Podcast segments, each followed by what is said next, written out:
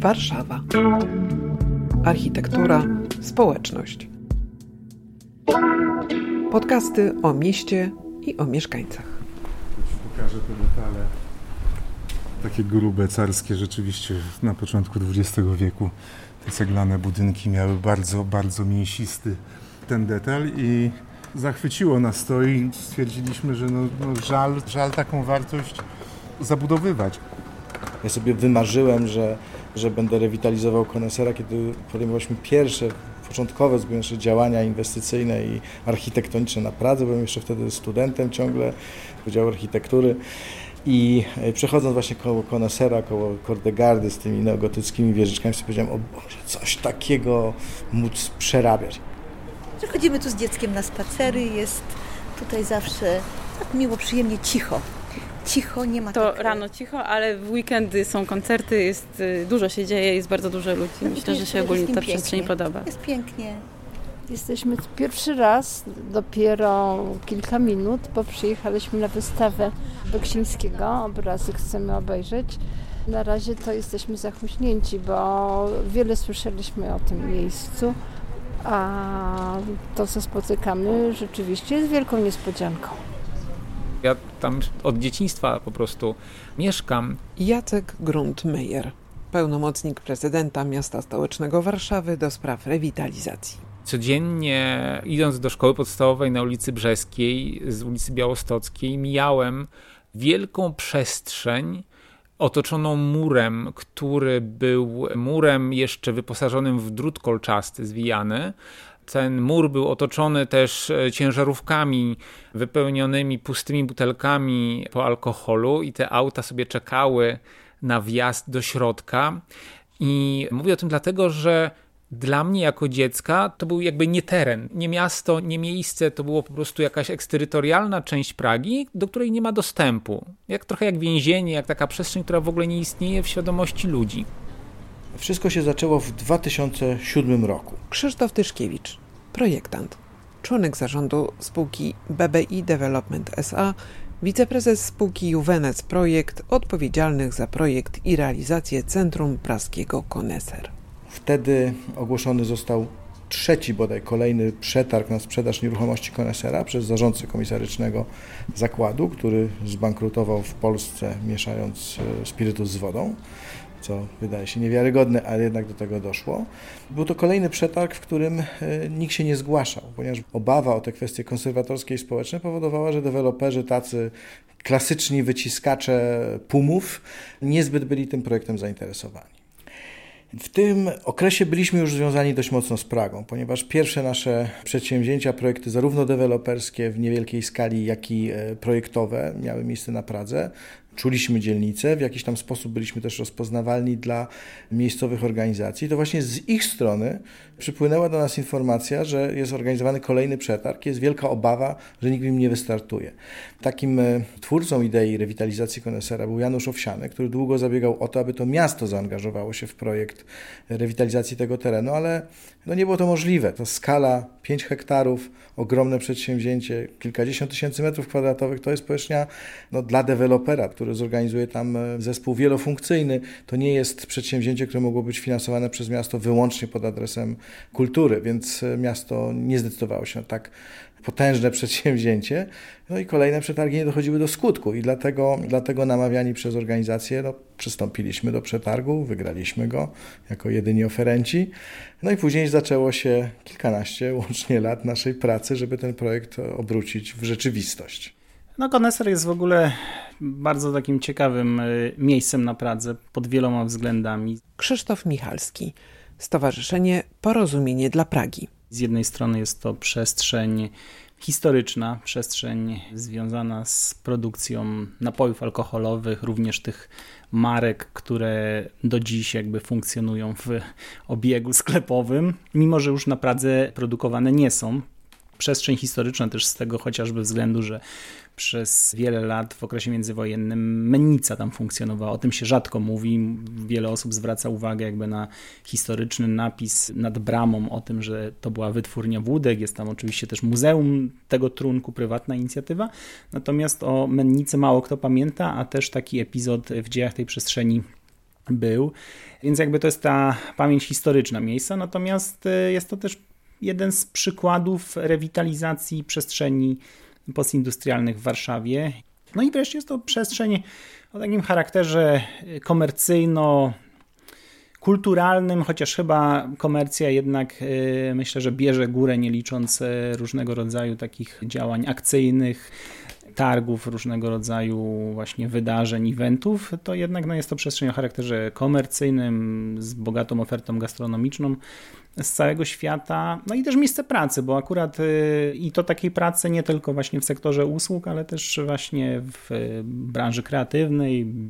Znaczna część tej przestrzeni została przekształcona w biura, więc warto o tym też mówić. Jest to też przestrzeń mieszkalna. Część e, budynków to budynki mieszkalne, budynki nowe, ale też są tam dwa budynki o charakterze historycznym, które w części z nich mieszkają dawni pracownicy tej fabryki, więc to też jest taka ciekawa perspektywa. Ale rzeczywiście, jakby ta część mieszkalna jest, e, mam wrażenie, przytłoczona przez te pozostałe inicjatywy, które w tą przestrzeń zostały wtłoczone. Mamy tam też hotel, więc y, ciągły ruch. No jest to takie miejsce w samym sercu Pragi, bo to jest, patrząc jak historycznie, zabudowania między ulicami Ząbkowską i Białostocką, na styku starej Pragi i Szmulowizny, czyli tego takiego jądra historycznej Pragi, a jednocześnie tam zresztą granica też była e, dawnego miasta Praga, bo na ulicy Markowskiej były kiedyś rogatki celne, ale dziś to jest takie miejsce, które mam wrażenie, no w różny sposób, czasem pozytywnie, czasem negatywnie, ale jednak emanuje na całą tą okolicę. Dzisiejsza Praga jest w ogóle do siebie niepodobna. Zofia Osowska, mieszkanka Warszawy, zapis wspomnienia z Archiwum Historii Mówionej. Z dzieciństwa, no to przeważnie się obracałam tam na tej Ząbkowskiej, i Folwarcznej później. No tutaj było gimnazjum na Kawęczyńskiej, naprzeciw Folwarcznej to było gimnazjum, obok była zajezdnia tramwajowa. Za gimnazjum później tam dalej, jak Kijowska jest, to był normalnie dworzec wschodni. Na Wołomińską tam dalej to e, raczej nie chodziliśmy, bo tam już była taka więcej łobuzeria, bo to, to już jest ta dzielnica tak zwanych szmulek. To już się powiadało, dziewczyna ze szmulek to już tam niewiele warta. Albo tam chłopak ze szmulek, o to już łobuz. No różnie były, może w każdej dzielnicy są tacy czy inni. Na Ząbkowskiej także tak samo byli różni. Zaraz za Brzeską Ząbkowska miała cały szereg trąbków drewnianych.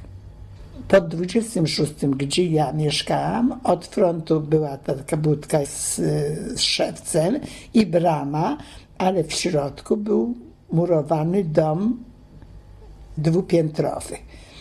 Później przy roku Markowskiej i Ząbkowskiej po nieparzystej stronie był dom murowany, ale tak, że czoło tego domu było raczej od strony markowskiej, a wchodziło się od Ząbkowskiej i dalej był ten, ten monopol, spirytusowe te zakłady były to tam pracowali ludzie. To też taki duży był kwadrat, prawda?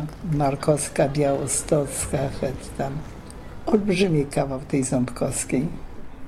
Skąd, skąd się w ogóle wziął tam koneser? Jerzy Esmajewski, historyk sztuki, warszawianista. Koneser y, to jest y, dawna fabryka wódek, y, która najpierw powstała w ogóle przy ulicy Dobrej na Powiślu, tuż obok, obok elektrowni tak się świetnie rozwijała, że to przedsiębiorstwo zostało rozbudowane i zbudowano nowe obiekty na terenie Pragi. Co więcej, zakłady spirytusowe, które produkowały całą masę różnych gatunków y, wódki wtedy, też współdziałały z odbiorcą państwowym, czyli z wojskiem rosyjskim. I tam był, był taki zakład, który chyba w ogóle jakby był powiązany z tym prywatnym zakładem, ale jednocześnie był zakładem e, publicznym, rządowym, gdzie produkowano wódkę dla wojska. Żołnierze w armii rosyjskiej, którzy służyli około 20 lat, oni mieli stałe przydziały wódki. I to był bardzo, bardzo poważny, bardzo poważny odbiorca. To była architektura, która była bardzo charakterystyczna dla tego czasu, jako architektura przemysłowa, te hale e, różne produkcyjne, one otrzymywały kostium architektoniczny, no eklektyczny, historyzujący. Z jednej strony były to budynki ceglane, co było bardzo utylitarne bo łatwiej to było utrzymać. E, wiadomo, że tutaj te budynki zawsze były narażone na jakieś uszkodzenia, zniszczenie, nie trzeba było tego tynkować. Jakość tej cegły była na tyle dobra, że te budynki mogły funkcjonować bardzo dobrze. A z drugiej strony, no, ten modny, ówczesny kostium architektoniczny, on jest zróżnicowany od czegoś, co Rosjanie nazywają kirpiczny styl, czyli po prostu styl ceglany, po ten pawilon główny, wejściowy, z takim budynkiem administracyjnym, który jest trochę utrzymany w jakimś kostiumie francuskim wręcz, z tymi niesamowitymi hełmami. One są bardzo, bardzo dekoracyjne. Ale tam była cała skala budynków, bo od, od większych, ważniejszych do mniejszych. Po prostu to było związane z technologią, jaka tam była stosowana. No, okres przedwojenny wspominam raczej, no raczej dobrze. Ryszard Szabelak, mieszkaniec Warszawy. Zapis wspomnienia z archiwum historii mówionej. Matka nie pracowała, siedziała w domu, była typową gospodynią domową, a ojciec pracował w państwowym monopolu spirytusowym, więc no nie zarabiał tam kroci, ale z uwagi na to, że to była państwowa e, firma, a ojciec z kolei y, był specjalistą od szkła laboratoryjnego, które się wytwarzało na miejscu, pracował w laboratorium tejże go monopolu. Jeżeli dobrze zarabiał, to zarabiał coś około 300 zł przed wojną, ale też pamiętam, że to zupełnie dobrze wystarczało na utrzymanie naszej rodziny, znaczy matki i nas dwojga, mniej siostry. Koneser jest jednym z bardzo niewielu takich miejsc, w których można poczuć industrialny charakter. Warszawa, jak wiadomo, poniosła ogromne straty wojenne, później po wojnie bardzo wiele obiektów zabytkowych zostało no tak przekształconych, w zasadzie nic z nich nie zostało i tych takich ceglanych XIX-wiecznych fabryk zostało dosłownie kilka. Można na palcach jednej ręki je policzyć. Większość z nich na szczęście nie została zrewitalizowana w latach 90. i wczesnych 2000, bo byśmy ich dzisiaj nie poznali, byłaby to tandeta. Na szczęście one wszystkie w jakiś sposób dotrwały do tych trochę lepszych czasów, gdzie i architektura jest lepsza, materiały są lepsze, myślenie jest bardziej długoterminowe, bo projekty nie mają się zwracać w 5 lat jak w latach 90., tylko mogą się zwracać 15 lat. W związku z tym można to zrobić po prostu lepiej, e, także to broni, broni swojej wartości w dłuższej perspektywie. Więc z tego punktu punktu widzenia koneser moim zdaniem trafił w dobry czas i został zrobiony, no, pochwalę sam siebie, przyzwoicie. Chodźmy do Ząbkowskiej w takim razie. Zaczniemy, zaczniemy od strony Ząbkowskiej. Grzegorz Stiasny, architekt, krytyk architektury, wiceprezes Stowarzyszenia Architektów Polskich. Ja uważam, że to w Warszawie jest jedno z e, ciekawszych miejsc takich które przerodziło dawny pofabryczny teren zamknięty, wyjęty jakby w ogóle z przestrzeni miasta w żywą tkankę, w taki wielo, wielofunkcyjny kompleks. I to jest rzeczywiście wielką wartością, że, że to pokazuje, że miasto nie, nie tylko musi się rozwijać na zewnątrz, gdzieś w kapuście jakimiś nowymi osiedlami, ale też poprzez przekształcenia terenów. W zasadzie to zostają już takie tereny zapomniane, czyli właśnie dawne dawne fabryki, dawny jakiś przemysł, może jakaś infrastruktura kolejowa. Tylko to jest faktycznie wielka praca, bo te tereny po prostu są zapomniane, omijane i trzeba bardzo wiele pracy, jakby, no, co tu dużo mówić, umiejętności, żeby to wpleść umiejętnie w okolice która jest dookoła, no bo łatwo taki wyłączony teren zabudować i on dalej jest wyłączonym terenem, a on zyskuje w mentalnej mapie miasta. Jest takie jakieś takie jest pojęcie socjologiczne, że ludzie mają w głowie własną mapę, tak? I takie właśnie tereny, które są poszatkowane przemysłem, one są wyłączone, bo to jest coś za murem, jakaś fabryka i nikt nie wie, co tam było. Jeżeli udaje się, to właśnie zrobić potem przez takie nowe tereny jakieś przejścia, jakieś publiczne przestrzenie, jakieś atrakcje, to ten teren wraca i staje się częścią danej dzielnicy, co jest jak najbardziej pożądane. Ta tkanka miejska została w sposób bardzo harmonijny włączona w ten fragment y, Pragi. Wprawdzie są tam fragmenty ogrodzeń, ale to bardzo dobrze, bo one tam zawsze były ale to nie znaczy, że to jest miejsce nieprzenikane, dlatego że z każdej strony można sobie spokojnie tam wejść. Jest określone. Granice są określone, ale też już teraz y, coraz y, mniej, dlatego że od strony ulicy Nieporęckiej ta otwartość jest jeszcze większa. Generalnie, jeżeli mówimy o rewitalizacji, to mówimy o rewitalizacji obszaru, czyli staramy się patrzeć na to, że to nie dotyczy budynku, czy nie dotyczy jakiegoś jednego miejsca, ale dotyczy też kwestii społecznych, tego w jaki sposób ludzie na siebie oddziałują w danym miejscu, w jaki sposób przestrzeń na nich oddziałuje. To są też kwestie właśnie mobilności. Myślę, że, że jeżeli mówimy o tym w kontekście konesera, no to pojawiają się różne wyzwania.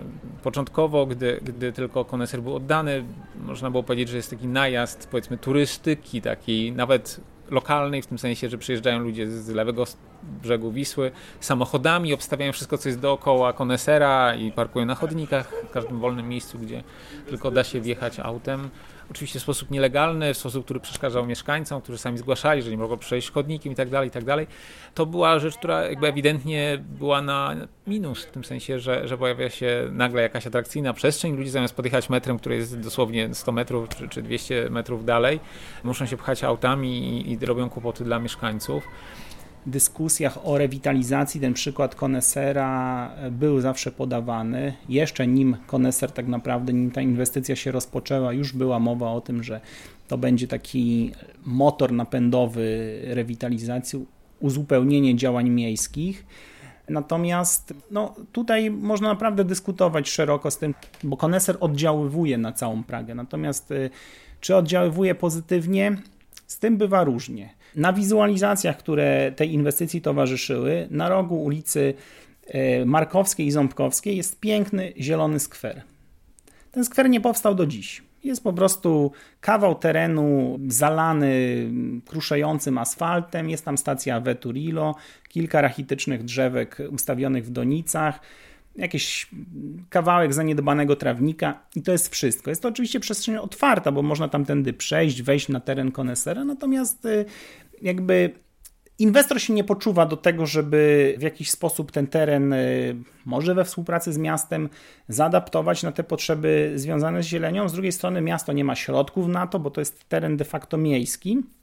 No i ta wizja y, z tych folderów inwestora no nie jest do końca zrealizowana. Kolejna rzecz, tu akurat pozytyw, to otwartość tej przestrzeni. Tyle, że ta otwartość jest taka można powiedzieć, że trochę na pozór. W tym sensie, że rzeczywiście teren jest otwarty całą dobę, ale prowadzą nań bramy czy takie przejścia w pierzejach ulic, które myślę, że też część osób jakby ma problem, żeby tam wkroczyć. To nie jest taka przestrzeń, bym powiedział, zachęcająca. I jeszcze jest jeden aspekt ogólnie no, takiego zabetonowania tej przestrzeni. Tam jest rzeczywiście niewiele zieleni ze względu na konstrukcję całej tej przestrzeni, na to, że pod spodem są te garaże, jakaś cała przestrzeń techniczna, tam nie da się sadzić drzew w gruncie. Pozostają te nieszczęsne donice. Tam jest dosłownie, no nie chcę skłamać, ale wydaje mi się, że chyba dwa drzewa czy trzy takie dorodne, które rosną w gruncie i jeszcze jest taki fragment, gdzie zdaje się dwa lata temu też kilka zostało takich no, młodych drzewek też tam zostało nasadzonych, ale to jest wszystko. Mieliśmy za zadanie zaprojektować powiedzmy zachodnią część tego kompleksu. To jest dosyć ciekawe miejsce, to jest krawędź dawnej fabryki. Tu nie było hal fabrycznych, ale były stare różne budynki administracyjne, tak zwana strażnica, no takie większe i mniejsze budyneczki administracyjne oraz budynek mieszkalny dla, dla pracowników, który już nie był tym kompleksem, tylko jest po prostu starą kamieniczką, budynkiem mieszkalnym. Obecnie wspólnota nim, nim zarządza. No, chcieliśmy zachować charakter, nawiązać do przemysłowej architektury, stąd ciężkie ceglane filary, taki powtarzalny rytm kwadratowych okien a także na drugim, na tak zwanym Placu Konesera od strony ulicy Białostockiej wykonstruowaliśmy takie stalowe balkony, które no, mają rzeczywiście taki industrialny charakter, ale też dają ludziom dosyć dużo przestrzeni. Widzę, że teraz już tutaj się ludzie wprowadzili.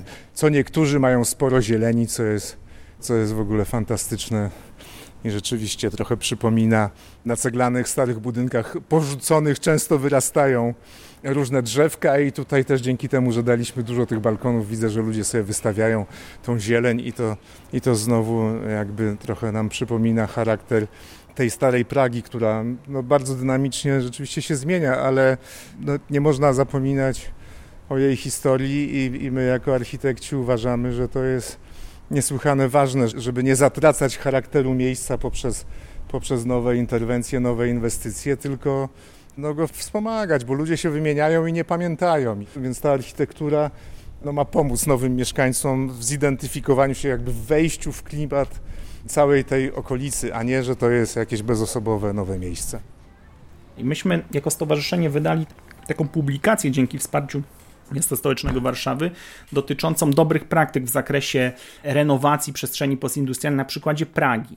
I Koneser został tam pokazany jako dobry przykład. Jako dobry przykład, y, jeśli chodzi o renowację tej substancji zabytkowej, ale jednocześnie pokazaliśmy mnóstwo obiektów, bo takich fabryk na terenie Pragi do naszych czasów przetrwało kilkadziesiąt. Na terenie Pragi Północ i, i części Pragi Południe, przede wszystkim na Kamionku. Przetrwał kilkadziesiąt, ale stan wielu z nich jest katastrofalny. A ten stan to jest efekt ostatnich 20-30 lat, czyli transformacji społeczno-gospodarczej, zaprzestania działalności, zamknięcia, pozostawienia tych obiektów samym sobie, wpuszczenia tam po prostu osób, które co się dało wyszabrować, wyszabrowały i zostały mury. Mury pozbawione elementów takich jak rynny bardzo szybko ulegają degradacji. Właśnie pod tym względem koneser no, można różnie oceniać tą inwestycję, ale brawa za to, że udało się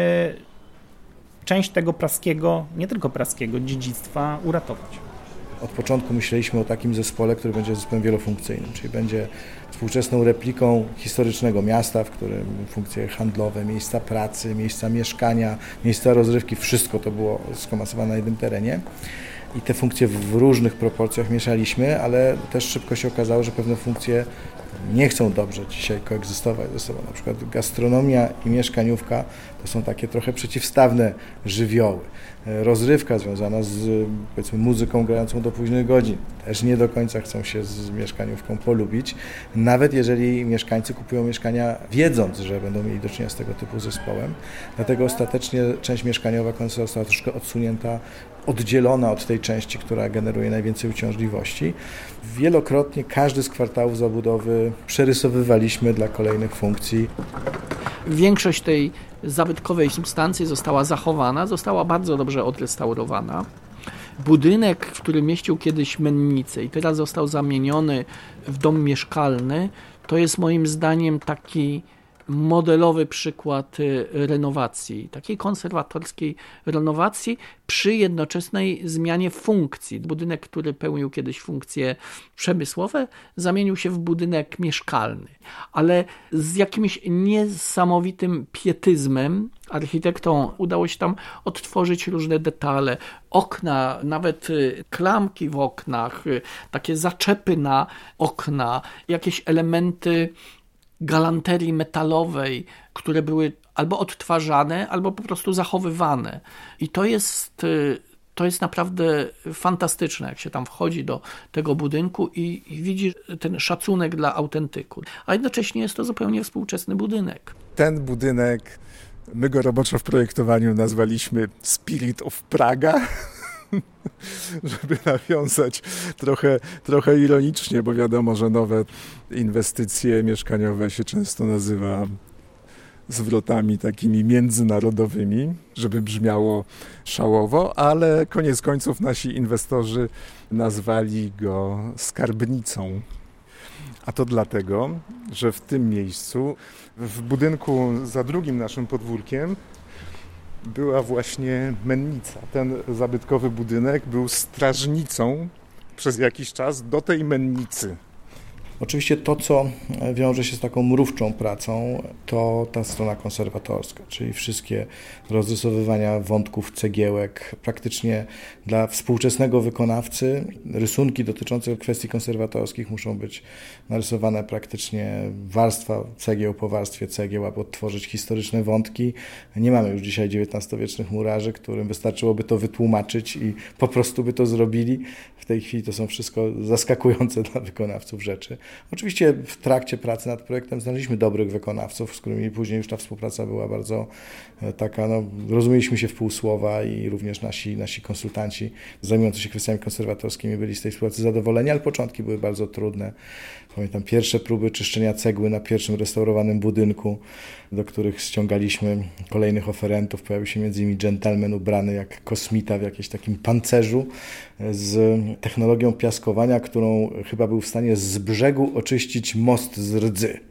No i był już bardzo bliski odpalenia tej swojej maszyny i zademonstrowania nam jej możliwości naszej cegle zabytkowej, ale udało się to w ostatniej chwili powstrzymać i nie doszło do zniszczeń.